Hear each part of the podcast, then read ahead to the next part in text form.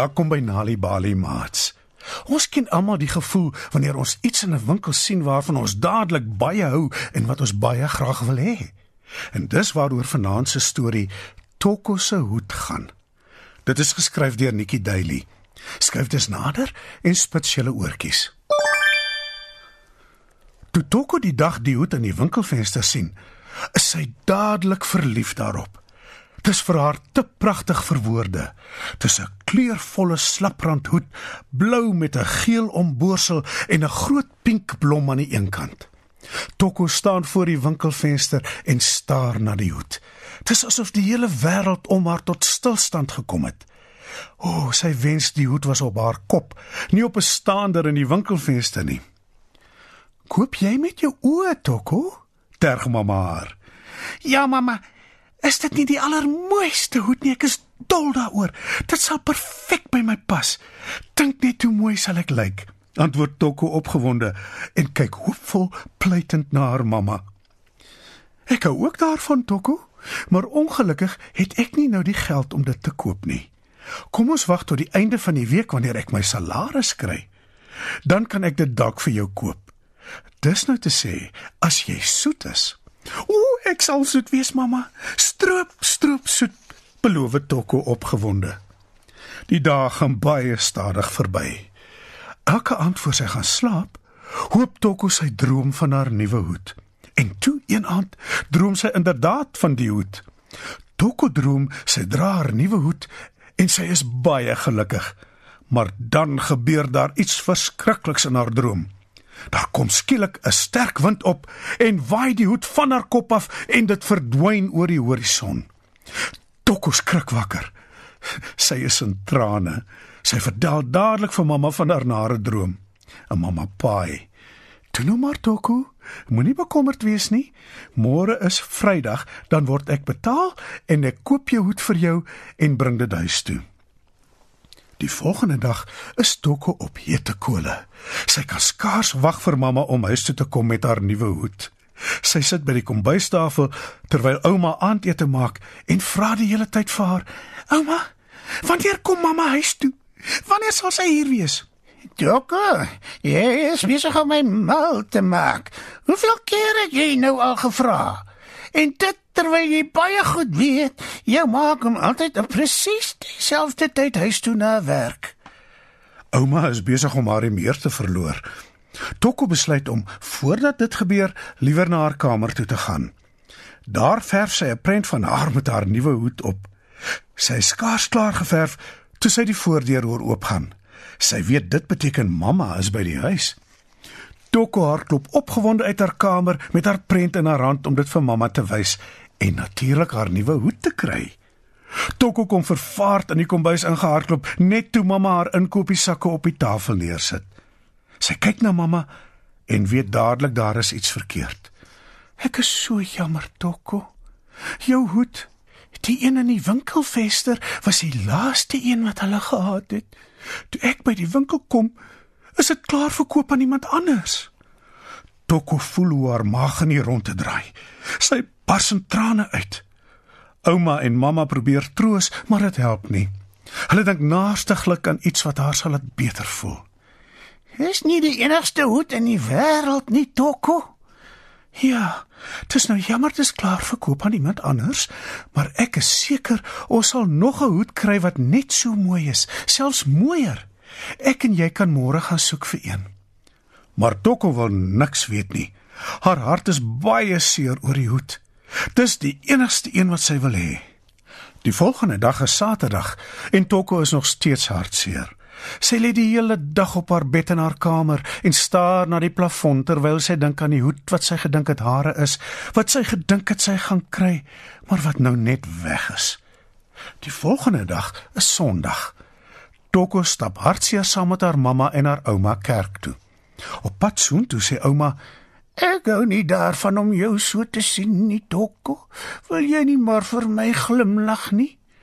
Toko antwoord haar ouma nie eers nie. Sy staar net voor haar uit. Maar toe: "Nee, dit kan nie wees nie." Toko se maag slaan behoorlik bollemakiesie, want daar voor die kerk loop Tandi Makalima. En sy het Tokko se hoed op haar kop. Hoe kan dit wees?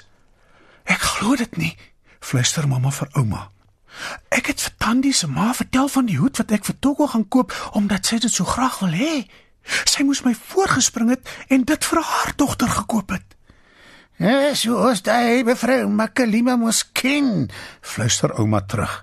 Sy wil altyd alles hê wat ander het. Arme Tokko se hart is in stukke.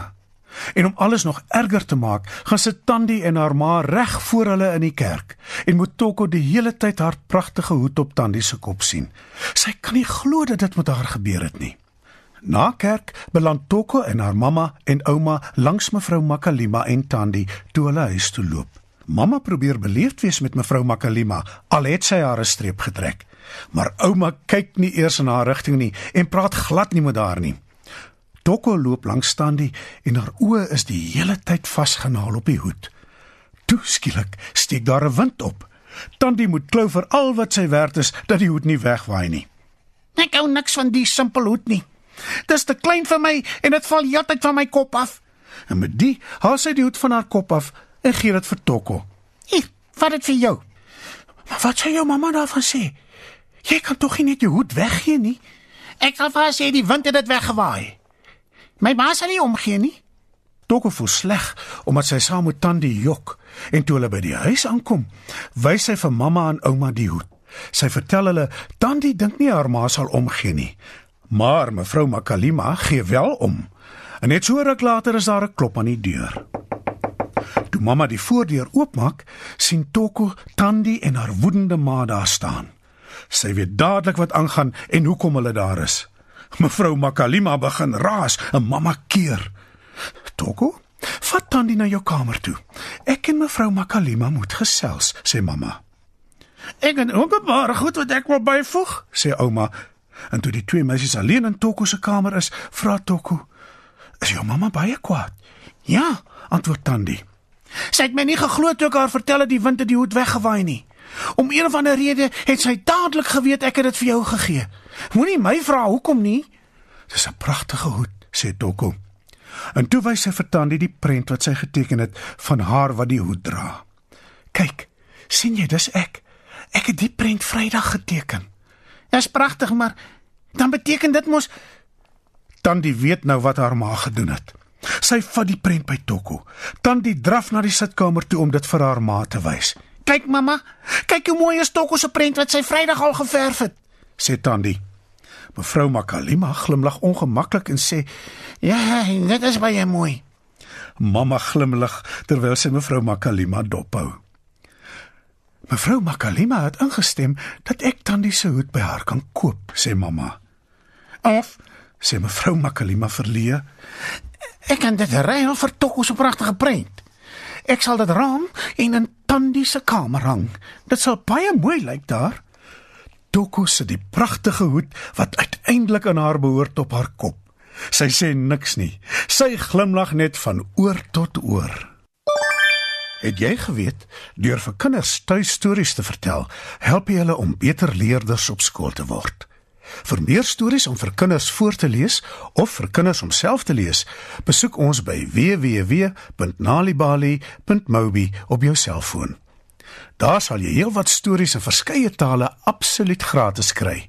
Jy sal ook wenke kry oor hoe om stories vir kinders te lees en met hulle te deel sodat hulle hulle volle potensiaal kan ontwikkel. Story Power. Bring dit huis toe.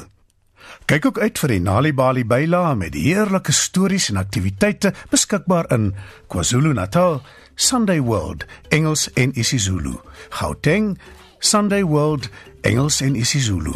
Vrystaat, Sunday World, Engels en Sesotho. Weskaap, Sunday Times Express, Engels en isiXhosa. Ooskaap, The Daily Dispatch Dinsdae en The Herald Donderdag, Engels en isiXhosa. Nali Bali is ook op Facebook.